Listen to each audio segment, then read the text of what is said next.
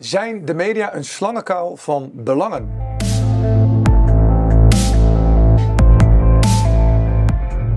Welkom bij Niemandsland. Vandaag gaan we het hebben over de media-invloed op onze samenleving.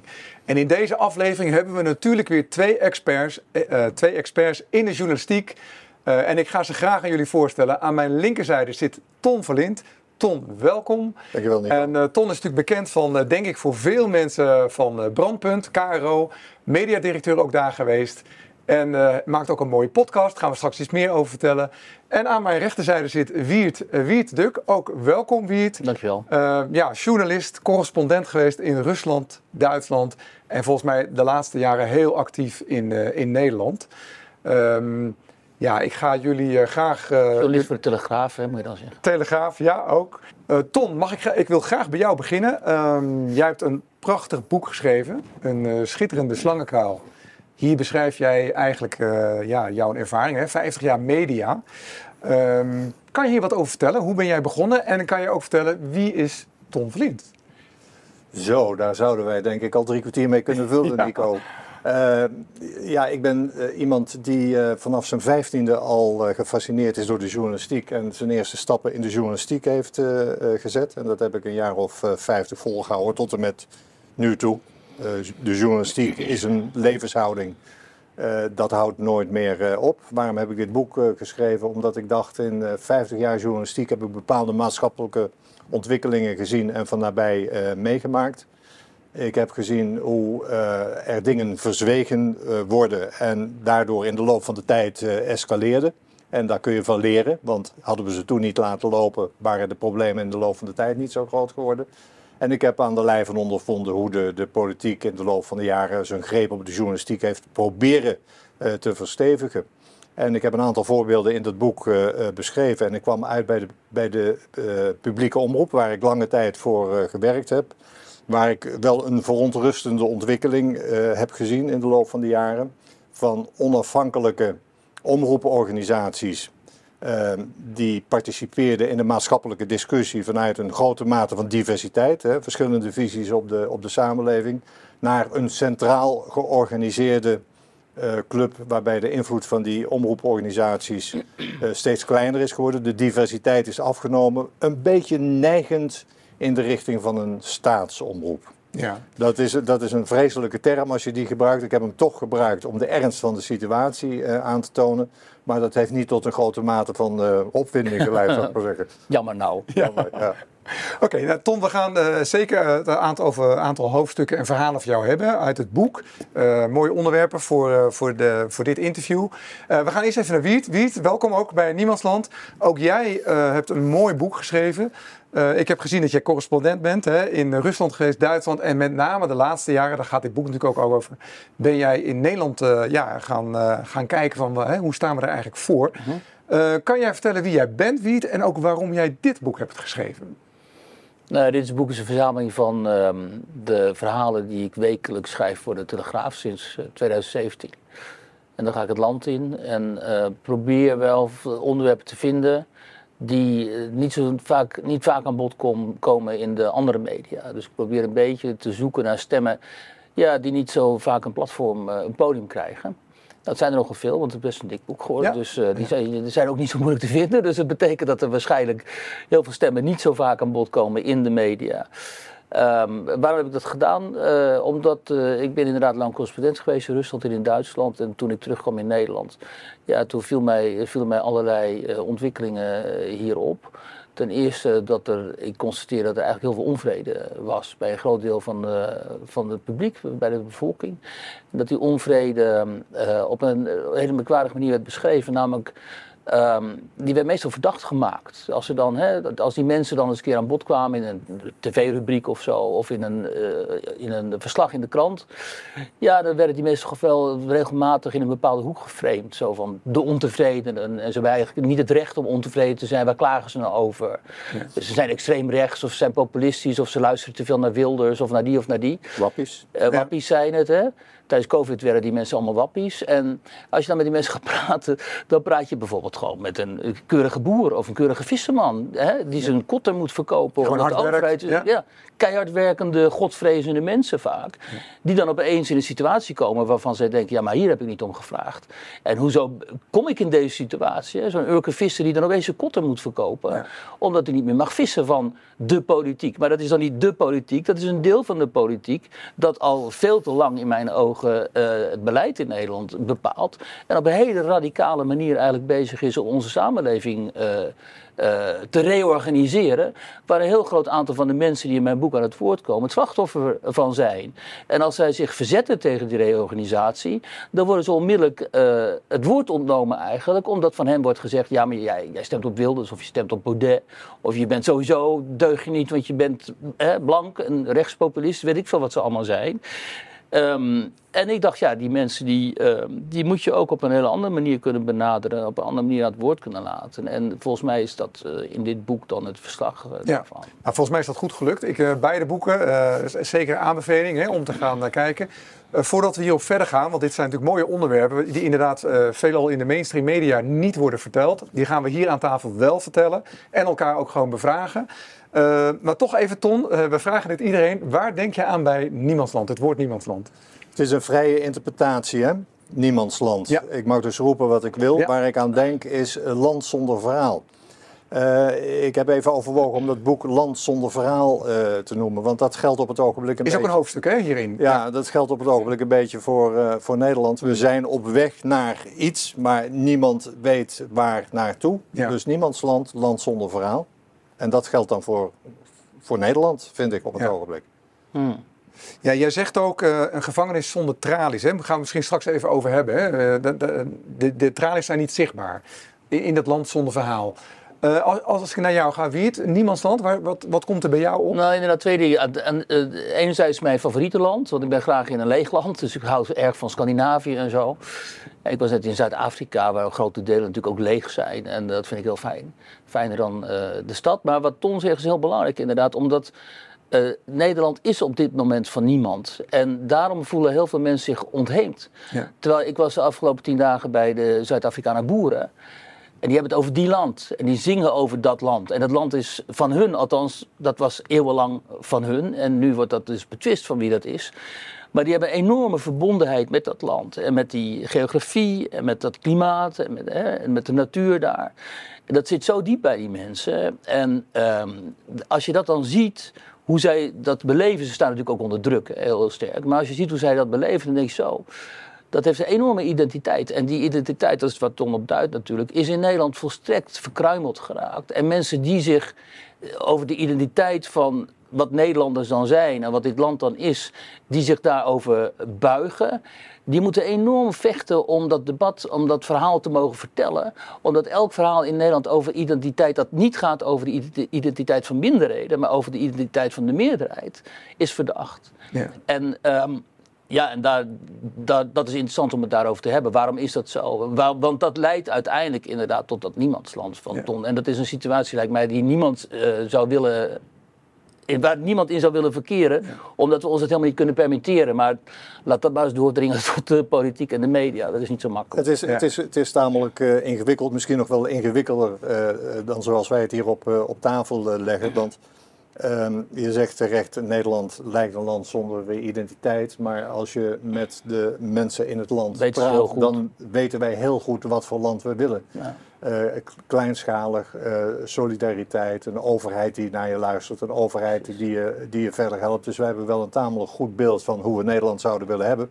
Maar het interessante is dat de, de, het politieke beleid leidt tot een land wat daar eh, diametraal tegenover eh, eh, staat. Dus Ja. de politiek maakt andere keuzes dan de keuzes die wij, eh, die wij willen. Maar we, we- we weten wel wat voor land we willen. Politiek, de huidige politiek is enorm splijtend. Ja. Wat, wat Ton zegt, we weten heel goed wat we willen. En ook de mensen die behoren tot de minderheidsgroepen weten heel goed wat ze willen. Maar daarom vinden ze Nederland namelijk zo'n leuk land. Omdat het altijd een land was van onderlinge solidariteit. Van niet moeilijk doen. Van ook met elkaar leven eigenlijk. En is de vraag ook niet, Wiert, eh want je hebt het over die groepen, maar zijn al die groepen bij elkaar niet inmiddels de meerderheid? Als je kijkt naar het wantrouwen in de politiek hè, op 3.3. Ik heb hier namelijk een gesprek gehad eh, in de vorige Niemandsland aflevering over hè, dat de democratie clasht. uh, met ex-politici die, die dat ook twee boeken daarover hebben geschreven, die dat zien, hè? die veenbrand. Want we hebben het natuurlijk over heel veel groepen, denk ik. Hè? Die beschrijf je ook hier in je boek als je die allemaal bij elkaar nou neemt, dan, ja, dan, dan is er dus een enorme samenleving die geen samenleving is. Als de meerderheid zou zijn, dan zouden ze dat ook politiek moeten uitdrukken. En de, de politieke meerderheden die ontstaan na verkiezingen zijn altijd weer anders. En uh, goed, en het, het, het, probleem daarin is dat um, die meerderheden, van de, van, afgelopen kabinetten Rutte natuurlijk, um, zijn een hele radicale politiek gaan voeren eigenlijk. Uh, die niet die indruist vaak tegen de belangen van misschien wel de meerderheid, maar die toch, hè, zoals in het klimaat en andere opzichten zo, maar die toch gevoerd wordt en maar doorgedrukt wordt. En desnoods met, met behulp van dus de linkse oppositiepartijen. Dus een hele rare politieke situatie ontstaan in Nederland, waarin jij zegt van misschien vormen die groepen wel een, een meerderheid, alleen politiek drukt zich dat helemaal niet uit in beleid. En in de media zie je dat dus ook niet uh, terug. Dus die mensen die tot die meerderheid behoren, ja, die zijn ontheemd. En die gaan alternatieve media zoeken. En ze gaan of niet meer stemmen, of ze gaan op de flanken. Uh, ja, want hoe moeten we dat zien, Ton? We hebben de trias politica. Die, die media waar we het over hebben, zou eigenlijk de vierde macht moeten zijn. En juist, denk ik, dit soort dingen aan het licht moeten laten komen. Of in ieder geval vermelden. Wat, wat jullie in het boek dus wel doen. Uh, dat zien we dus niet terug bij de mainstream media hoe zit dat met die mainstream media, met, met die vierde macht? Hoe, denk jij daarover?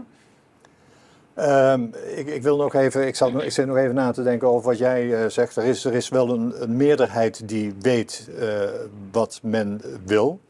Uh, maar dat is versnipperd over heel veel verschillende politieke partijtjes. En daarom is de politieke macht natuurlijk buitengewoon beperkt. Maar er gebeurt hier. Ik heb ook twee boeken geschreven over hondenopvoeding.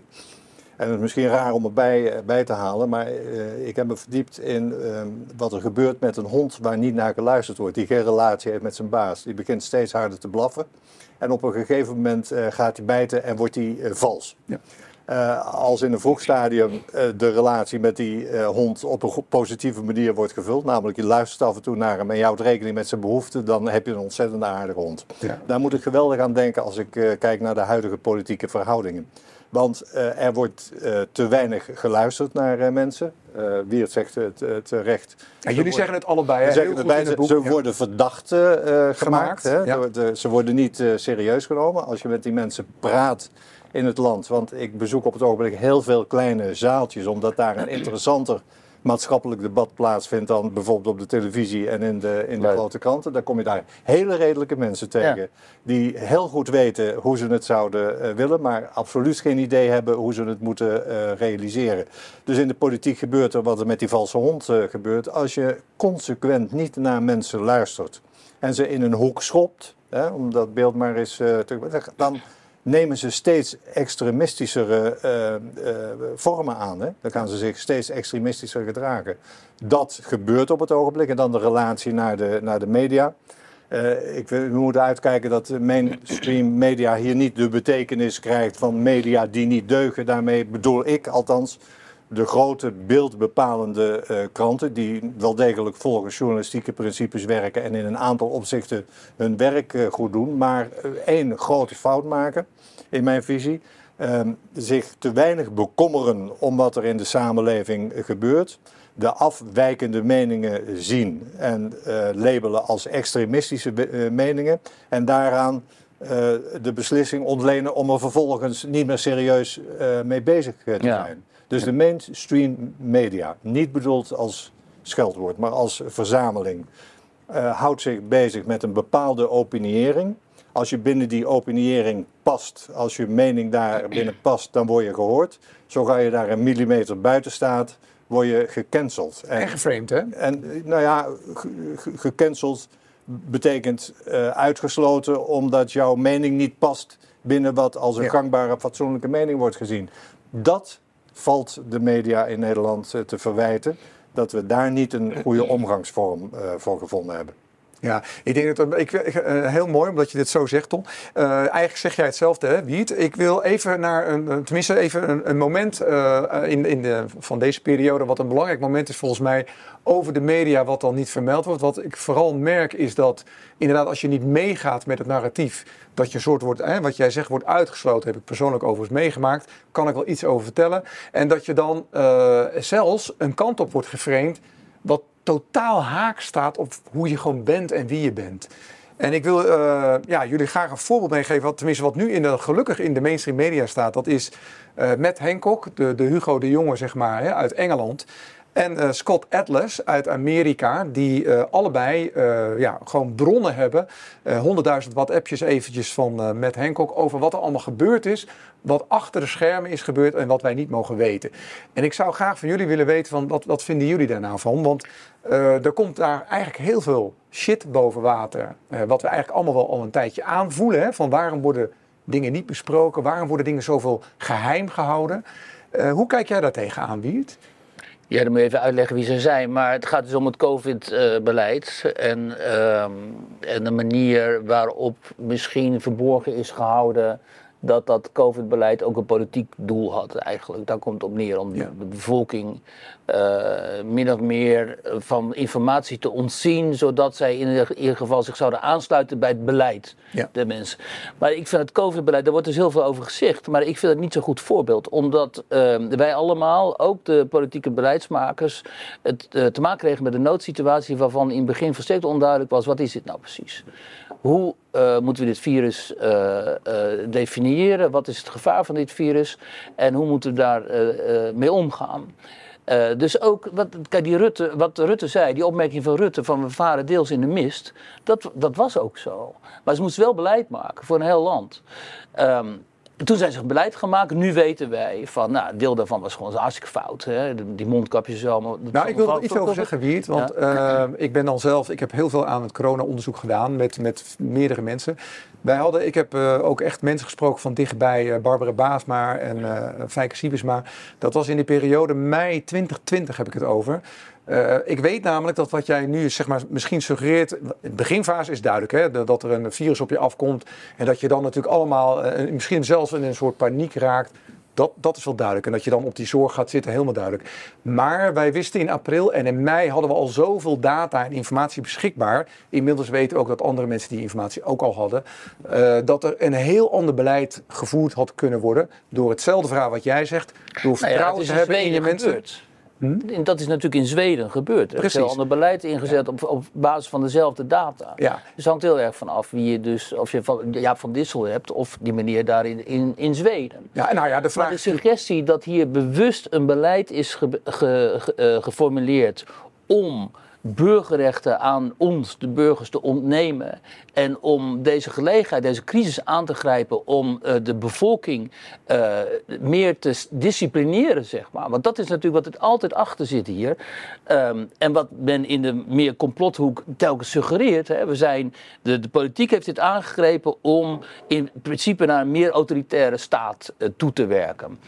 Uh, nou ja, daar zie ik graag de bewijzen voor, alleen ik zie ze niet. Maar misschien zitten die in die appjes van Hugo de Jong die we niet mogen lezen. Nou ja, maar die- dat wordt heel vaak gesuggereerd. Nou. Nee, nee, maar- die complottheorie geloof ik eerlijk gezegd ook niet. Want daar zijn onze politici namelijk helemaal niet slim Ze zijn genoeg niet voor. eens hoe je staat, Want dat inderdaad. veronderstelt dat je een strategie hebt en dat je een toekomstvisie hebt. En, eh, En Rutte ik- heeft geen visie. Dus ik ben begonnen met de ja. vaststelling dat, we- dat dit land reist, maar dat niemand weet eh, waar, eh, waar naartoe. Dus dat er fouten gemaakt zijn in die periode, dat eh, is misschien onvermijdelijk en dat vind ik nog niet de grootste ramp. Dat er daarna niet een periode is gekomen van reflectie, Juist. openheid, goede kritische controle die leidt tot conclusies dat het nog steeds afgeschermd wordt. Hè? Want ehm, eh, Hugo de Jonge heeft zelfs eh, via zijn secretaris-generaal aan zijn vorige ministerie opdracht gegeven om zijn appjes niet, eh, niet Ja. te publiceren. En. En nou hoeft hij ze niet naar mij te publiceren. Want to- totale openheid kan ook tot een hele grote verwarring leiden. Maar ze moeten wel gepubliceerd worden naar een apparaat waarin ik vertrouwen heb en wat in staat is om de controle goed uit te oefenen. Dat is het die, punt Die natuurlijk, controle, ja. die, die, dat vertrouwen heb ik op het ogenblik niet. Dus die reflectie ontbreekt. Dat is kritiek naar de politiek zoals die functioneert. Maar die kritiek mag je wat mij betreft ook doortrekken naar de media. Bijvoorbeeld de publieke omroep. Want die hebben in dit proces ook een bepaalde rol gespeeld. Die niet in alle opzichten heel duidelijk was. En niet altijd zo kritisch als hij had eh, eh, kunnen zijn. En die reflectie in de media ontbreekt ook Mag ik iets toevoegen aan Ton? Want ik denk, kijk, een ru- rubriek als Nieuwsuur heeft dat eigen best gedaan. Hè. Dit is heel Ja. toch kritisch geweest. Alleen dan hebben we het als, Ik dacht even aan de talkshows. eh. Precies, dat wil ik zeggen. De talkshows hebben de fout gemaakt om telkens maar weer diezelfde mensen aan tafel te laten. Die eigenlijk het eh, overheidsbeleid ofwel verdedigden of nog pleiten voor een nog extremer beleid. Hè? Ab Osterhaus die wilde alle ongevaccineerden, meen ik, op een onbewoond eiland gaan zetten. Ja. En dat heeft natuurlijk, dat kijken de mensen, althans mensen die nog naar die publieke omroep kijken. En die, die begonnen zich daaraan te ergeren, te storen en zo. En die begonnen natuurlijk te denken, ja, maar is dit dan, is dit dan een bewust een bewuste samenwerking van de politiek met die omroepen om ons op een bepaalde manier, nou, wat ik al zei, te, te disciplineren. En dat kan me voorstellen dat, dat je dat denkt. Als je niet gewend bent ook om misschien journalistiek te denken, of omdat je niet helemaal weet hoe die media werken en zo. Maar dit is dus de essentie wat Ton zegt van, er is, we hebben het vertrouwen in die instituties verloren die zouden moeten controleren en die ehm, op wat daar gebeurd is, de zelfreflectie moeten hebben. En die nu transparant zouden moeten zijn ook over dat beleid. En ook zouden moeten kunnen erkennen van ja, we hebben, er zijn een aantal maatregelen doorgevoerd, zoals die lockdowns en zo, die desastreus zijn geweest, ook voor de kinderen. Voor. Nou, daar, wil- daar wil ik even graag wat over zeggen. Hè? Want eh, ik denk dat het met name daarover gaat. Want we zijn straks natuurlijk wel drie jaar verder. Hè? En drie jaar is een lange tijd. En de, de lockdowns hebben onvoorstelbare schade Ja. aangericht. En niet alleen de lockdowns, maar er is ook heel veel vertrouwen. Hè? Er zijn natuurlijk heel veel mensen die zijn wappie genoemd.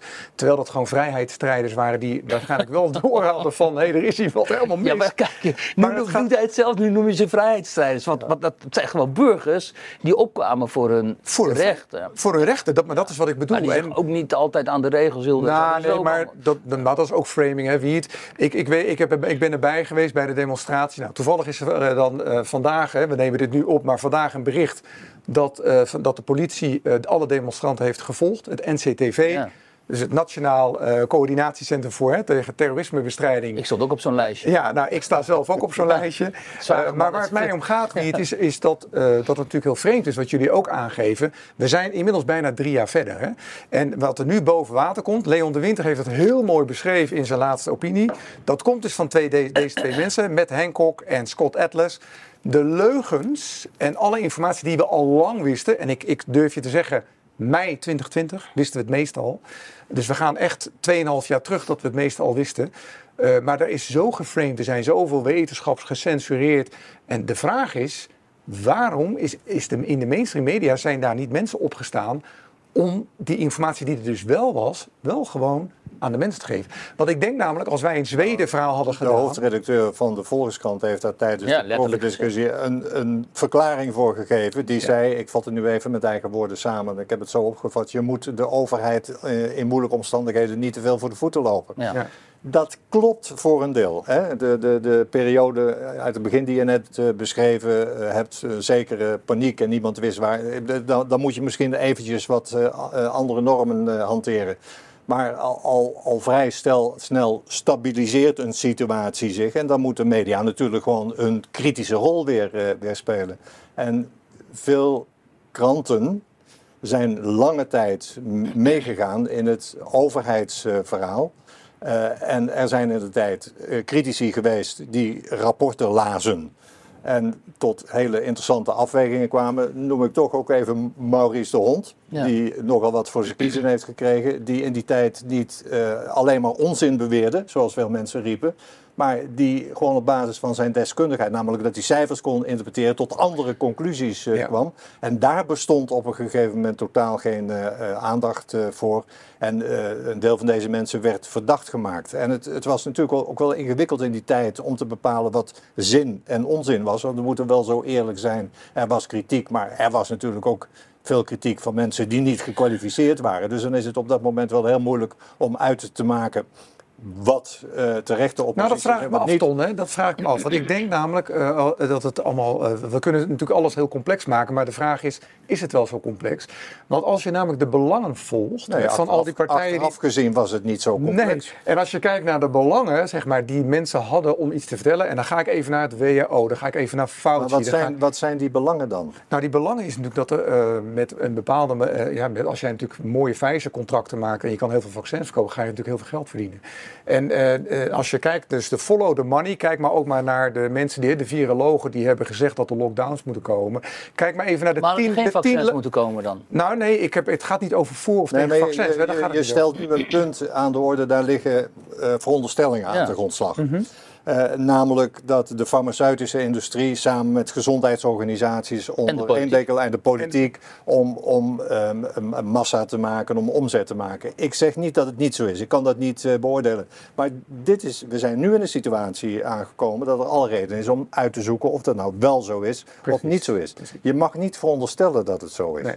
Nee, het is ook Daar- geen daar- veronderstelling, maar daar het is wel- logisch als er een mondiale crisis is met een mogelijk dodelijk virus. Eh, dat je als farmaceutische industrie hier gaat kijken, kunnen we hier eh, vaccins tegen ontwikkelen.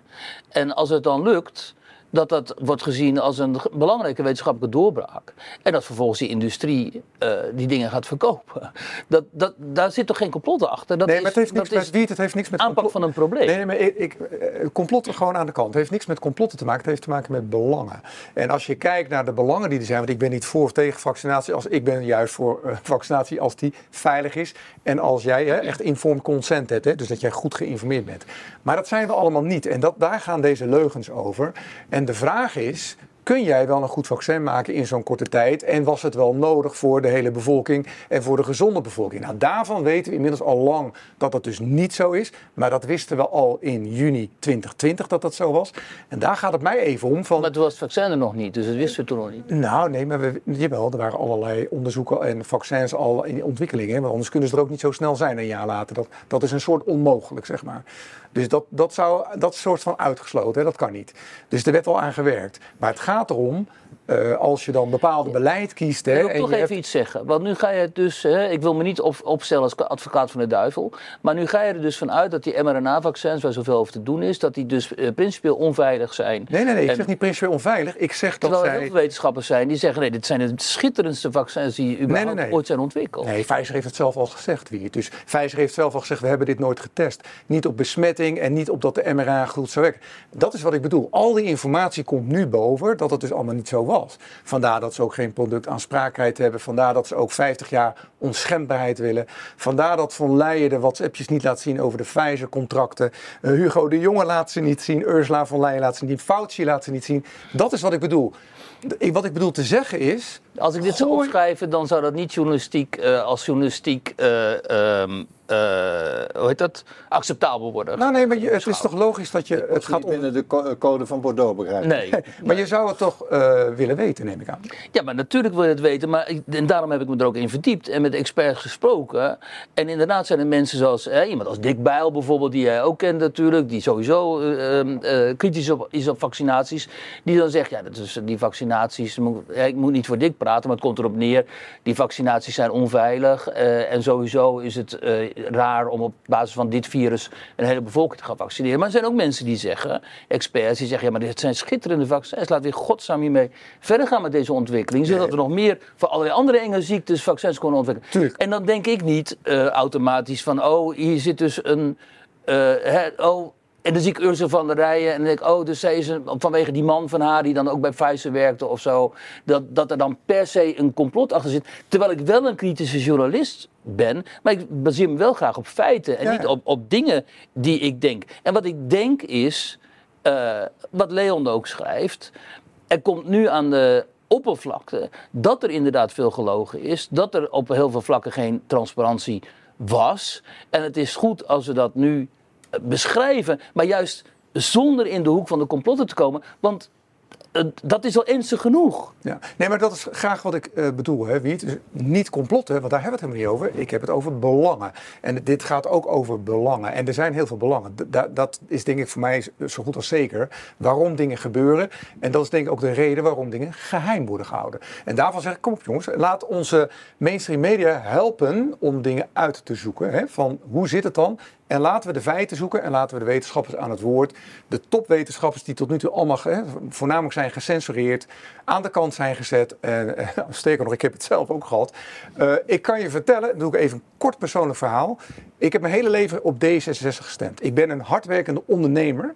en burger. Uh, ik heb denk ik al mijn hele leven gewoon de volle belasting betaald en dat doe ik met liefde. Want dan kan je dat ook voor de zwakkeren in de samenleving doen, om ze te helpen. Dat, daar doe je het voor.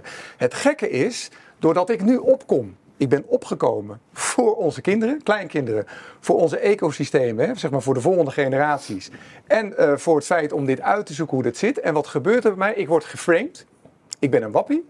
En als je nu kijkt naar de NCTV, wat die aan het doen zijn, willen ze mij eigenlijk in de hoek van een terrorist hebben. Dan denk ik, hoe ver zijn we afgegleden, waar jouw boek over gaat, dat gewoon, naar mijn idee, hardwerkende, weldenkende mensen op deze manier, zeg maar, in de maatschappij worden weggezet? Ik, ik begrijp het niet. Hoe kijk je daar tegenaan, Tom? Ja, daar gaat nu veel uh, tegelijk over uh, tafel. Want je neemt een persoonlijk uh, voorbeeld. Dat zou bij mij dan meteen tot heel veel aanvullende vragen stellen. Wat je beweerd hebt, heb je dat goed onderbouwd? Mm -hmm. Of is er iets op, op, op af te dingen? ik, ja, ik weet eigenlijk niet zo goed wat ik op dit persoonlijke statement moet, uh, moet zeggen, Nico. Je, je, voelt je, voelt je, je persoonlijk aan de kant uh, gezet omdat je standpunten innam waarvan je zegt. Uh, ik had het beste met de samenleving voor. Maar is, is dat altijd op een hele professionele manier gebeurd? En word je misschien afgerekend op het feit dat, dat je het met de bewijsvoering niet altijd uh, even nauw uh, nam. Hè? Nee, nee, dat denk ik niet. Want het is gewoon een kwestie van de bronnen natuurlijk aangegeven van wetenschappers, uh, echt topwetenschappers in de wereld bijvoorbeeld. Maar ook, dat maakt niet zoveel uit, maar ook ja, maar wij, wij, wij, wij, wij roepen al gauw dat mensen die het met ons eens zijn, dat dat topwetenschappers zijn. Nee, dat klopt. Uh, maar, maar dat is allemaal. Dat ik, ik kan er geen mening over nee, hebben, nee, want ik weet niet waar jij, op welke bronnen jij jouw opvattingen baseert. Ja. Ik zou altijd onmiddellijk kijken naar uh, waar haalt hij zijn informatie vandaan, mm -hmm. tot wat voor conclusies komt hij en uh, zijn die conclusies te ontlenen aan datgene wat hij onderzocht. Nou ja, dat is eigenlijk wat Leon de Winter zei. Hij heeft hier over tien leugens. nou ja, ik zou eigenlijk iedereen willen vragen en ook de andere media, duik in deze bronnen. Uh, want dan uh, ga je waarschijnlijk. Ja, maar kijk, als je, je hebt het bijvoorbeeld over die hele discussie over de werking van uh, hydroxychloroquine bijvoorbeeld en ivermectine. Die medicijnen die zogenaamd dan, of nou ja, die vermeend dan de ontwikkeling van het virus hadden kunnen stoppen.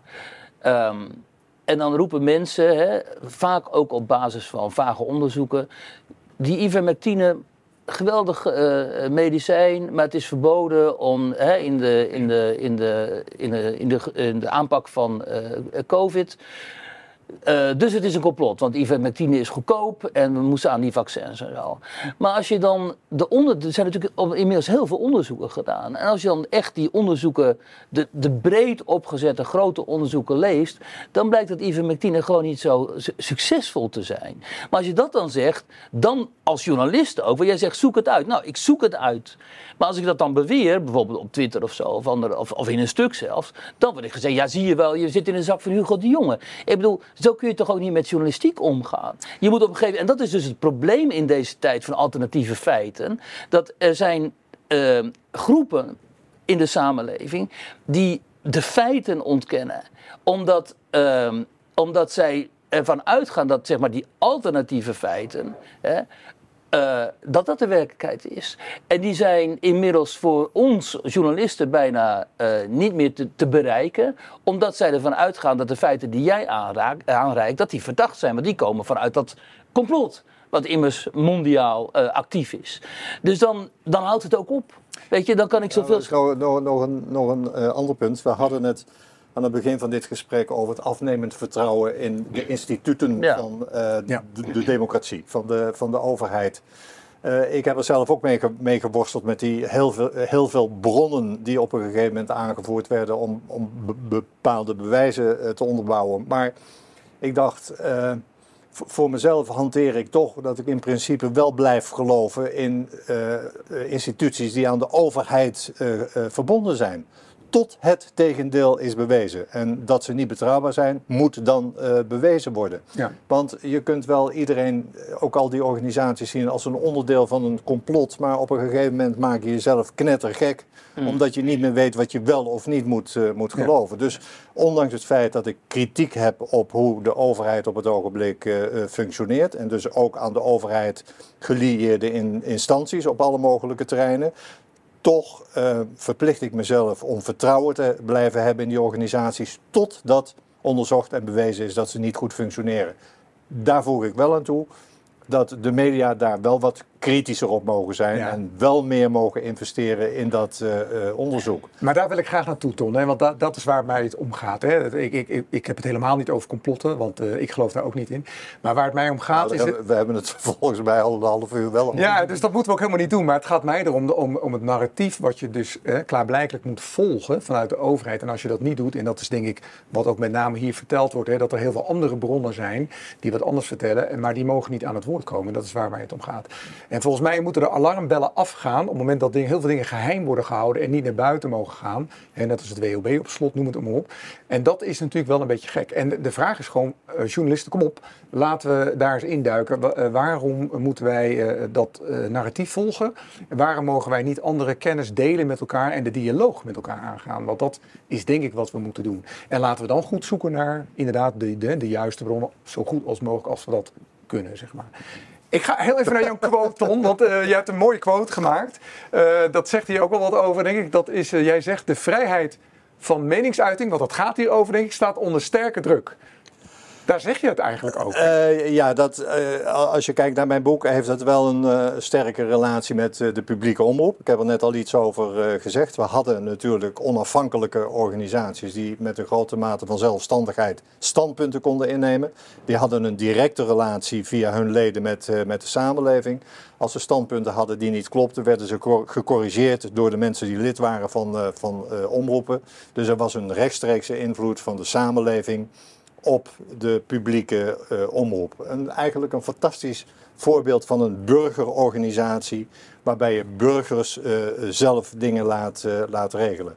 In de loop van de jaren is de, de, de zelfstandigheid, de onafhankelijkheid van die omroepen behoorlijk aan banden gelegd. Eigenlijk is er een centraal apparaat gekomen wat wel sterk tegen de overheid, steeds sterker tegen de overheid aanleunt wat de, de kaders bepaalt waarbinnen omroepen nog eh, kunnen functioneren. Dat is ten koste van de diversiteit eh, gegaan. Als je nu naar de publieke omroep kijkt, maar het geldt in een bepaalde mate denk ik ook wel voor de, de, de andere eh, media, dan is, daar, ehm, dan is daar niet een hele grote diversiteit meer in standpunten. Dus wat afwijkt van het gangbare, dat kom je moeilijk meer tegen, ook bij de publieke omroep. En dat zie ik als een bedreiging van de vrijheid van meningsuiting. Want het is net als je naar de publieke omroep kijkt, alsof er maar één eh, visie op de samenleving mogelijk eh, is. Dat is dan ook nog een neoliberale visie. De Ja, economie, ja. de eco- economie is, eh, is, is belangrijk. En eigenlijk wordt nooit meer de vraag gesteld. Hoezo? Voor, het is belangrijk voor de economie, maar, maar wat betekent dat? Is, dat? is dat dan belangrijk voor eh, investeerders? Is het belangrijk voor. Maar wat betekent het nou? Die vraag wordt niet meer eh, gesteld. Dus bij de publieke omroep heeft dat geleid tot het, de, de gedachte dat er één algemene, nog kloppende waarheid is en veel varianten daarop. Daar maak je geen kennis meer mee. Ja, maar jij En, zegt en, dat, geldt, dat geldt wel voor media in, in breder verband, dat afwijkende meningen moeilijk nog toegang krijgen tot de Nederlandse media. Maar jij zegt ook hè, dat daardoor de kloof tussen de overheid en de burgers alsmaar groter wordt. Ja, en, en dat, dat, dat zie je ook op. Dat heeft een gewenste en een ongewenste ontwikkeling op, eh, op internet. Want je ziet overal alternatieve informatiebronnen, actualiteitenrubrieken ontstaan. En er zijn hele goede bij. Ik moet eerlijk zeggen, een groot deel van mijn informatie haal ik ook tegenwoordig van, eh, van internet en niet meer bij de publieke omroep. Een voordeel natuurlijk nog wel uit de kranten, omdat ik die in Nederland wel van een betere kwaliteit vind. Eh, je krijgt goede informatie als je, als je weet te selecteren. Eh, maar die berg aan informatie via social media zit ook ontzettend veel shit tussen. Daar wil ik het nu even niet over hebben. Maar het feit dat er zoveel nieuwe media ontstaan op eh, het gebied van de social media. laat zien dat wij niet heel tevreden zijn over de informatie die we van de reguliere media krijgen. Ja. Ja. Je mag hierin trouwens ook zeg maar, de mensen die dan zich opwerpen als woordvoerders van het andere verhaal. Eh, een verwijt maken, omdat eh, destijds bij die vorige statenverkiezingen, toen uh, Forum voor Democratie de grootste partij werd, bleek dus hoe enorm die behoefte is aan een ander verhaal. Hè? Want de Forum voor Democratie Ja. vertegenwoordigt toen gewoon het conservatisme in Nederland eigenlijk. Het seculiere conservatisme. Nou, daar bleek dus een grote behoefte aan te zijn. Uh, en Baudet was toen nog een uh, uh, fatsoenlijk politicus en de mensen om hem heen. En die groep heeft het gewoon zelf verkwanseld.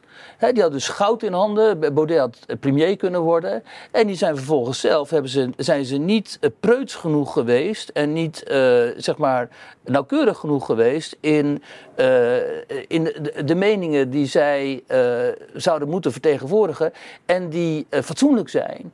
En je ziet dus ook internationaal dat allerlei conservatieve sympathisanten van Baudet één voor één ook afhaakten omdat zij uh, die radicalisering niet uh, wilden volgen. En als je dus uh, je wilt opwerpen als politieke beweging en je ziet dat je er prominent aanwezig kunt zijn in het midden notabene, met een conservatief verhaal. En je hebt zoveel goud in handen en je radicaliseert met allerlei standpunten die veel te veel Nederlandse burgers, wat de consensussamenleving is uiteindelijk, uh, niet uh, te dragen zijn. Hè?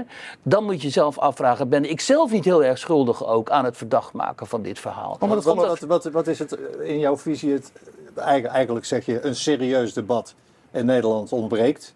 Dat had kunnen ontstaan. Ja, had kunnen ontstaan. Maar ze hebben het verkwanseld. Ja. De moraal van het verhaal is, er is geen serieus debat ja. in Nederland. Hoe is het mogelijk dat er in Nederland geen serieus debat is? Nou, dat Omdat alles uh, in, het, in de, voor, uh, denk ik, in de sfeer van de uh, moraal wordt getrokken. Hè? Je deugt of je deugt niet. Uh, en op het moment dat jij dus uh, niet deugt met een onfatsoenlijk mens, en heb je niet het recht om deel te nemen aan het debat. Het interessante is dat in een, een heel politiek correct land als Duitsland, waar ik correspondent geweest ben, en, en wat veel politiek correcter is eigenlijk als Nederland, die uitsluiting veel minder plaatsvindt. Bijvoorbeeld aan de talkshowtafels, weet je ook. Aan die talkshowtafels komt iedereen. En iedereen kan zich daar, kan daar zijn standpunt over voetlicht brengen in een hele, hele zeg maar, um, uh, sterke debatsetting. En vervolgens word je wel zeg maar politiek correct benaderd door de media en zo. Maar je zit er wel. Terwijl inmiddels in Nederland, wat jij zegt, in Nederland is het, het geval dat mensen met zeg maar, een conservatief geluid ja, die komen gewoon niet meer, uh, niet meer aan bod. Maar mede wat ik dus zeg, ook omdat dat conservatieve geluid uh, op, op een bepaalde manier ook. Uh, zich niet serieus manifesteert. Ja, zich niet serieus manifesteert. Als Wilde zegt: ik wil de Koran verbieden, ja, dan, dan plaats je toch zelf al buiten de politieke consensus. Ik ga toch even een haakje ook maken over dit verhaal van jou, Wiert. Even naar jouw quote. Want jij, jij zegt in jouw quote daar iets over, dat heeft hij denk ik wel mee te maken ja. ook. Ik ga hem ook even voorlezen.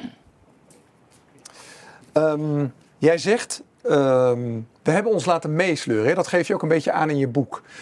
Want aan de andere kant van wat jij net vertelt, hè, over bijvoorbeeld een vorm van democratie, denk ik ook dat er genoeg gelegenheid is geweest vanuit de media, wat jij ook terecht zegt, Ton. Kom eens met die dialoog en het goede debat. Want dat maakt ook als het een goed debat is, dat je met elkaar kan uitspreken over wat je dan bedoelt en wat de achterliggende gedachte is. Wat jullie eigenlijk ook in je boeken beschrijft. Luister eens goed naar die mensen, die groepen mensen die ergens iets van vinden.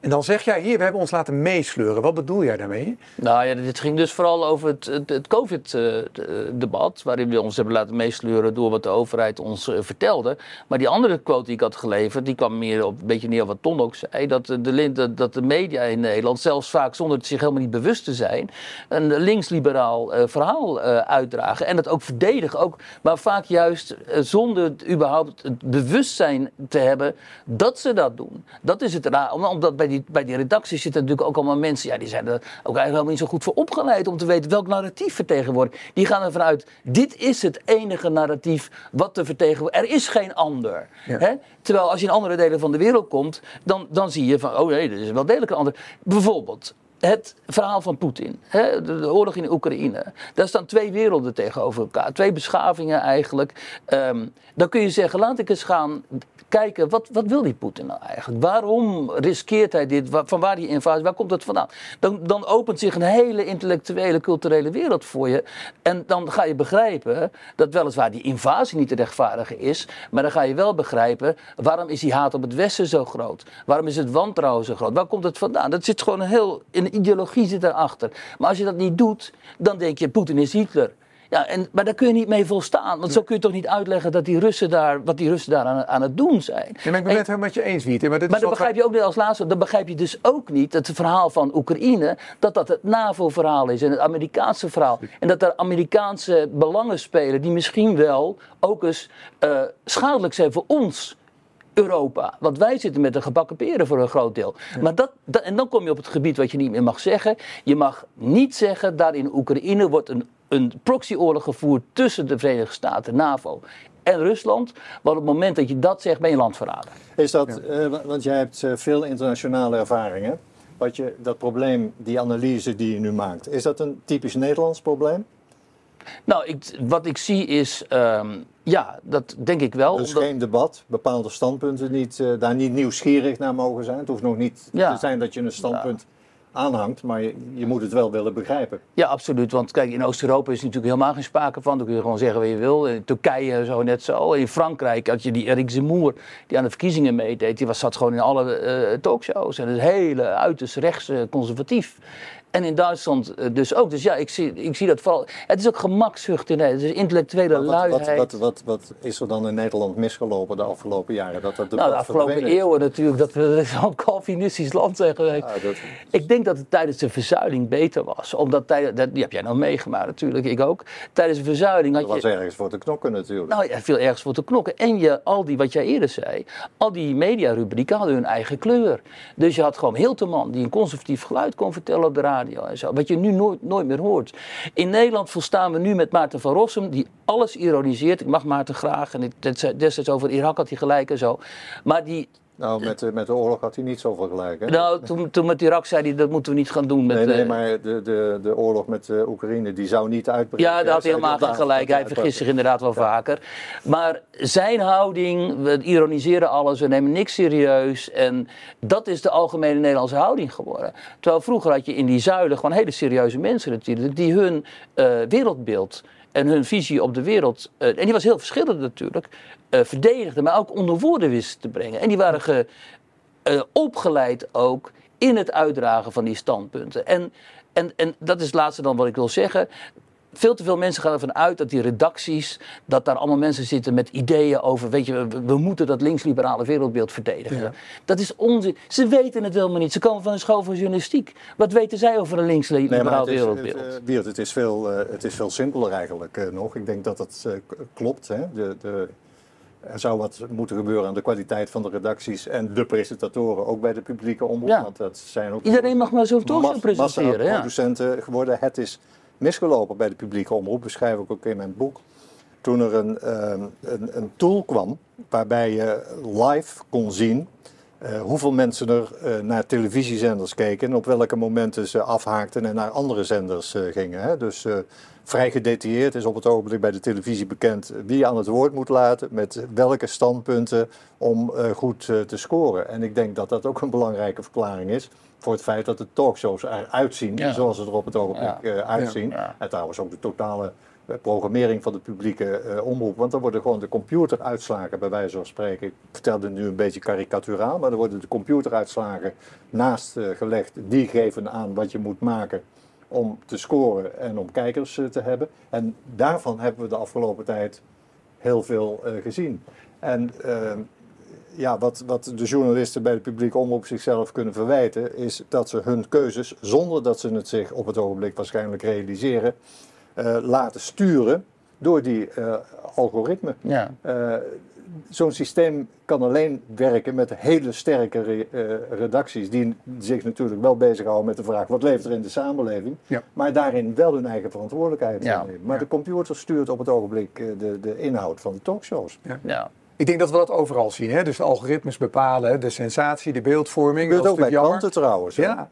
Kranten hebben lezersonderzoeken en ik neem, dat kan ik misschien aan, aan, als vraag op tafel leggen. Jij zit in die, in die wereld. In welke mate bepalen lezersonderzoeken het aanbod van de kranten op het ogenblik? Gebeurt daar hetzelfde eh, als wat ik als proces bij de televisie heb beschreven? net? Nou, kijk, online wordt natuurlijk wel goed gekeken wat wordt goed gelezen. En ik weet ook precies, wij weten ook precies welke stukken van ons goed gelezen worden. Werkt dat sturend? Nou ja, dat, dat, dat vraag ik me af. Of dat, ik bedoel, mij wordt nooit gezegd, eh, schrijf nog eens een paar meer van die stukken, want die lopen zo goed of zo. Maar, Maar het, maak je die afweging voor jezelf? Dat je denkt, eh, er zijn onderwerpen die niet interessant zijn, onderwerpen die wel interessant zijn. nou, ik zit natuurlijk in een hele mooie situatie, omdat ik elke donderdag een pagina heb die ik eigenlijk naar eigen be- believen kan, kan invullen. Eh, maar ik weet wel waar mensen die mij stukken graag lezen, waar die, die op aanslaan. Maar het is niet zo dat ik me daar dan door, dat, door, door laat leiden. Nee, ik laat Ook me niet onbewust. Ja, dat nou, weet je eerder wel. onbewust is wat jij hebt, dat ik sommige dingen niet meer aanraak of aan wil raken, omdat ik al die shit niet meer wil, wil hebben. En ook omdat ehm, mensen die ik in het verleden wel aan het woord heb gelaten, bijvoorbeeld, onbetrouwbaar bleken in hun uitlatingen. Dus ik- kijk, als ik mensen aan het woord laat die, die pretenderen bijvoorbeeld serieus onderzoek te doen naar iets. Hè, en nou, eh, levert ze serieuze resultaten op en zo. En dan schrijf ik een stuk en vervolgens zie ik ze op sociale media enorm tekeer gaan. Mensen uitschelden en doen en zo. Dan denk ik, ja, ik klop niet meer bij jou aan, joh. Als jij zo gaat, eh, gedraagt en daarmee disqualificeer je ook mij, omdat ik jou aan het woord heb gelaten, dan ga ik je gewoon niet meer aan het woord laten in de kant. Want waarom zou ik dat voor mij persoonlijk, voor mijn reputatie ook, mij dat aan? Maar dat vind ik een normale journalistieke afwijking. Hè? Je hebt Ja. geen vertrouwen meer in je bron, dus je, je gebruikt die bronnen niet. Precies, maar het probleem in Nederland is dus dat zoveel van die bronnen zeg maar, op het rechtspopulistische spectrum zich zo gedragen. Waardoor je denkt, ja, maar ik ga jou niet meer in de krant schrijven, want ik wil dit. eh, Waarom zou ik dat doen? Als je Maar het is ook wat jij net zei, hè, Wiert, hè, dat als je het bijvoorbeeld over Oekraïne hebt, Rusland, vind ik een heel mooi voorbeeld. Wij hebben daar een thema van gemaakt met Wereldnieuws. Om te zeggen, jongens, laten we nou eens gewoon alle perspectieven eh, bekijken. En ook de geschiedenis ingaan. Wat is daar nou gebeurd? Zonder dat je pro-Poetin bent of tegen Poetin. en Of je voor of tegen Ja, Amerika je gaat, moet, daar gaat het willen, niet je om. moet willen weten. Je moet Ja. willen, het is de nieuwsgierigheid dat je En wil weten wat is daar gebeurd. Ja, Ja, wat is dat- daar nou ja. gebeurd? En waarom is die Nord Stream opgeblazen? En waarom moeten wij... Ja, dat is de vraag. Het is een heel goed voorbeeld. Ja, sorry dat ik hier de hele tijd het woord neem. Maar Nord Stream is natuurlijk een heel goed voorbeeld. Ik denk in de tijd dat Tom bij Brandpunt zat. Dat die Nord Stream kwestie echt wel goed was onderzocht. En ook als daar de uitkomst was geweest. Jongens, er, zit er zijn toch wel hele sterke aanwijzingen dat de Verenigde Staten daarbij betrokken is. Of zoals het nu heet, een pro-Oekraïnse groepering. Hè? Dat zij ook hadden gezegd van wat raar eigenlijk dat mechanisme dat toen Stream werd opgeblazen. De hele meute onmiddellijk riep dat is Rusland. Ja. Terwijl Rusland er geen enkel belang bij had. En dat, dat, dat iedereen meeging in dat frame. Dus ik denk dat we destijds gewoon kritischer zou zijn gereageerd dan nu. Dus de, de, eh, wat betekent dat media ook heel sterk gewoon gepolitiseerd zijn tegenwoordig. En ik denk, hè, als we kijken, en, en dan wil ik graag eh, naar het laatste onderwerp eh, nee, voor het interview, want ik denk dat wij hier uren over kunnen praten met elkaar. Ook omdat het zo interessant is. Maar ik denk met name dat het gaat over alle crisissen, wat, wat er nu over ons heen loopt. Nou, ik geloof dat we er inmiddels 15 hebben. Of het nou de boer is, woningnood, corona, stikstof, het maakt euro. niet uit. Laten we eens met openheid naar de echte bronnen kijken. En niet van tevoren, denk ik, hè, ons al in een narratief gooien. Of dat het een taboe is. Hè. Je mag het er niet over hebben. Dat is ook de reden waarom wij eh, vanuit hier zeggen van jongens, eh, wij willen het toch wel over de zogenaamde taboes hebben. En ik ga ze graag aan jullie eh, voorleggen. Want wij hebben dat de onderste steen genoemd. Waarom doen we dat? Omdat wij vinden dat het wordt niet in de mainstream media besproken. En wij vragen ons af, waarom niet? Waarom gaan we dit niet gewoon uitzoeken tot de bron en het er gewoon over hebben? Gewoon erover hebben, de dialoog aangaan. Eh, ik heb er drie. Eh, wij gaan het ook aan de kijkers thuis vragen. Jongens, eh, kijk even naar deze onderwerpen. Wij gaan aan de gasten hier vragen welk onderwerp zij het meest interessant vinden. Dat gaan we ook aan jullie thuis vragen. Ik begin even bij jou, Ton. Ik lees ze even voor. Eh, het CDA heeft een wetenschappelijk rapport gemaakt. Jij heeft hem ook in de podcast genoemd. Ja, ja. Eh, en, en, en Totaal geweld- geen publiciteit. en geweldig veel. Sterker nog, de mensen die wij het geschreven hebben, wij uitgenodigd om te komen om erover te praten. Er wordt niet over gesproken. De, de, de tweede is de gain of function onderzoek natuurlijk van Fauci. Nou, inmiddels Moet- moet- moet even uitleggen waar Wat dat- is, ja. wat, wat de conclusie was uit dat eh, rapport. Ja, de conclusie van het rapport is dat er inderdaad in de, eigenlijk wat hier ook beschreven wordt hè, door eh, Leon de Winter, er komt steeds meer boven. Maar zij zijn heel kritisch over het coronabeleid en zij geven aan dat er ontzettend veel verkeerde beslissingen zijn genomen. Dat heeft CDA wetenschappelijk zelf uitgezocht, maar het komt niet in de mainstream media, het wordt niet besproken. Het had nogal harde conclusies ten aanzien van het functioneren van eh, Hugo de Jonge. Daarom willen wij zijn WhatsAppjes ook graag zien. Ja, maar het is interessant dat het CDA, het wetenschappelijk bureau, wel dit onderzoek doet. Met deze opmerkelijke eh, conclusies eh, komt. Eh, dat eh, ze zelf publiceerde in een hoekje op de eigen website, maar daar niet veel rugbaarheid aan heeft gegeven. En het vervolgens aan de aandacht van vrijwel alle kranten is ontsnapt. Terwijl dat wel, eh, ja, dat rapport had vergaande conclusies door het CDA zelf getrokken. Ja. Ja, De tweede, opmerkelijk. de tweede, opmerkelijk toch? De tweede is de gain of function. Nou, inmiddels eh, is daar ook eh, wel, zijn er al veel Ov- Overigens begrijp ik wel dat je vlak voor de provinciale statenverkiezingen zo'n rapport niet eh, onder de aandacht wil brengen. Hè? Precies, daar gaan we weer. Hè. De Ja. beeldvorming is Ja, belangrijk. Eh, de gain of function onderzoek, eh, daar mag ook niet over gesproken worden. Als we het woord gain of function in, in de mond nemen of we hebben het over, laat ik even gewoon zeggen, biowapens, terwijl er allemaal kernwapens in de wereld zijn, nou, dan, word je al, dan word je al in een hoek gezet. Terwijl het is er gewoon, waarom onderzoeken we het gewoon niet. Nou, inmiddels blijkt daar heel veel bekend te zijn, maar ook daar wordt alles verborgen. De, de, eh, de WhatsAppjes of alle berichten van Foutje worden verborgen. Maar inmiddels eh, is er heel veel bekend. Wij zeggen gewoon, zullen we het gewoon onderzoeken? Eh, dus dat is de tweede. En de laatste is de inlichtingendienst. Nou, er is vandaag een bericht gekomen over de demonstra- demonstranten. Eh, dat was een bericht over van de NOS. eh, waarbij, ik heb het geloof ik al even genoemd, die eh, gevolgd worden. Het blijkt dus dat alle demonstranten gevolgd zijn. Dat gaat heel ver, worden ook afgeluisterd. En dat is natuurlijk wel heel opmerkelijk, want daar zijn zij denk ik niet voor. Dus wij vragen ons af, hoe zit dat met de desinformatie of de zelfcensuur eigenlijk van onze eigen geheime organisaties? Dat zouden we ook wel graag willen weten. En, en waarom worden wij gevolgd? Of waarom worden demonstranten gevolgd? Nou, dit, hoe kijk jij hier naar, Wiet, als je deze drie eh, items bekijkt? Nou ja, die zijn allemaal natuurlijk, kijk, het tweede is een internationaal item, maar die zijn allemaal uitdrukking van eh, die onzekerheid, eh, ook bij de, bij de, de macht, zeg maar.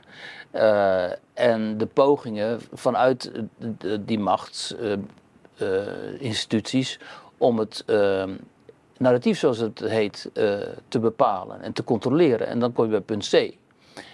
Ehm, en, dat, en daar zit ik wel bovenop, omdat ik dat heel kwalijk vind. En eh, bedreigend ook. Eh, Kijk, ik heb in Rusland gewoond. Nou, dan weet je wel wat er kan gebeuren als, eh, als de staat eh, de verdergaande censuur introduceert. En, ehm, en bovendien, de, de, de, de wens van de overheid, dat is destijds met uh, Olongren begonnen al, om, het, ehm, om te bepalen wat informatie, wat desinformatie is, wat fake news is en zo. Ja, dat gaat natuurlijk altijd fout. Ja. Om, als je het hebt over belangen, ja, de overheid heeft in belangen welke informatie naar buiten mag komen en niet. En welke informatie gekwa- gekwalificeerd kan worden als desinformatie en welke niet. En als overheden zich daarmee gaan bemoeien, ja, dan, dan is het einde zoek eh, natuurlijk. Dus dan moeten we, Marianne Wageman bij ons ook columniste, die is daar heel erg eh, keen op. Want die komt altijd met dat soort verhalen over Ja. wat er nu is gebeurd. Hij was stond ook op zo'n lijst van NCTV geloof ik. Ja. Ik meen ik ook. Dus dan... ehm, Alleen je moet ook weer niet onderschatten hoe knullig dat ook weer allemaal gaat. Want het is ook helemaal niet mogelijk voor die overheid om, om een, hele, eh, hele populatie aan ontevreden burgers permanent te controleren. Er is geld niet eens voor, daar zijn de middelen niet, niet eens voor. Dus we moeten het ook niet overschatten. Maar de tendens is natuurlijk altijd fout. Maar ik denk dat overheden altijd die tendens ehm, hebben. Helemaal in een, in een situatie zoals nu, waarin er zoveel onzekerheid en potentiële explosiviteit ook bestaat in de, in de samenleving. Ja, ze willen natuurlijk graag die controle houden. Uh, nou, ik, ik ga jullie bedanken. Ik denk dat we nog echt wel uren hierover kunnen doorpraten. En zeker ook over de censuur die er op dit moment is hè, in, de, in de media. Dat is denk ik ook best gevaarlijk. Uh, ja, nou ja, wij... één ding dan. Ik, ik werk bij de Telegraaf, dat is de grootste kant van Nederland. En ik heb helemaal niet het gevoel dat ik gecensureerd word, bijvoorbeeld door mijn hoofdredactie. Iemand als, dat is Paul Jans, hoofdredacteur, die vertrekt binnenkort. Die heeft ook bijvoorbeeld over het COVID, de, onze aanpak van het COVID-beleid gezegd. Daar hadden we wel wat kritischer op mogen zijn en zo. Dus daar is wel uh, zelfreflectie. En ik denk niet dat ik binnen de kaders van de journalistiek die wij hebben, dat daar überhaupt uh, censuur op mij Nee, dat, dat vind ik ook wel. Dat, dat, is, dat is toch een probleem met die, met die term, dat je daarmee of dat daarmee gesuggereerd wordt dat er een hogere macht is die bepaalt welke verhalen er verteld worden. Dat is niet het geval in, in Nederland. En daarvoor is de onafhankelijkheid van redacties veel te goed geregeld. En, en is de Nederlandse journalistiek veel te professioneel. Uh, als je het hebt over een, een eenzijdigheid in de opiniëring, dan zit het meer in zelfbeperking. Juist. Ja. En ja. dat is het echte gevaar. Censuur, dat geloof ik niet dat het in Nederland uh, bestaat. Ja. Dus zelfbeperking is een betere uh, term. En zelfbeperking ook die jou ook wordt opgedrongen door, door mensen die je in principe best wel aan het woord zou willen laten, maar die dan zo agressief worden, ook tegen mij bijvoorbeeld, dat ik denk, ja, waarom zou ik jou nog een stem geven als je mij gewoon, als je mij ook loopt uit te schelden en zo. Weet je, dat is ook allemaal, het ligt allemaal heel genuanceerd en subtiel hoor. Nee, dat, dat klopt. Maar ik denk wel dat we, zeker als we kijken naar de crisis waar we, waar, waarin we nu zitten, dat is een cocktail van crisis. En als je kijkt naar het narratief wat eigenlijk gevolgd moet worden hè, van de overheid, dan denk ik dat wij wel dat er absoluut meer openheid moet komen. Vertrouwen ook in de burgers en in de samenleving.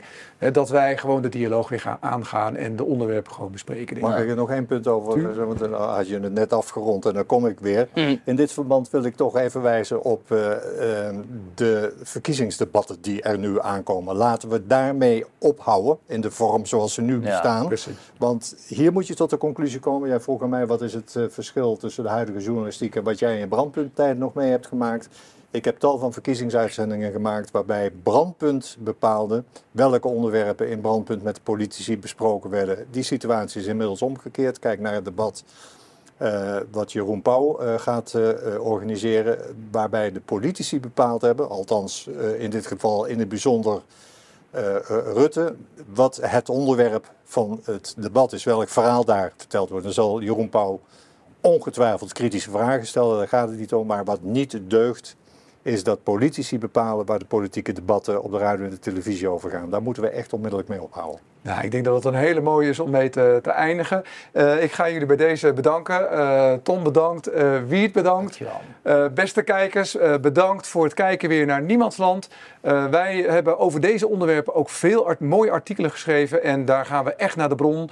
We hebben onderzoeksjournalisten op bepaalde onderwerpen gezet. we zijn ook gestart met wereldnieuws, met thema's, bijvoorbeeld over vandaag, waar we het vandaag over hadden, over de Oekraïne en over Rusland. Wat zit daar nu achter?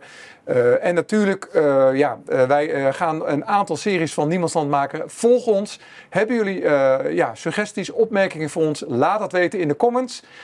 en natuurlijk de drie items van de onderste steen. Laat ons weten waar jullie meer van willen weten. Bedankt voor het kijken en het luisteren. En uiteraard komt ook deze aflevering op een podcast te staan op Spotify.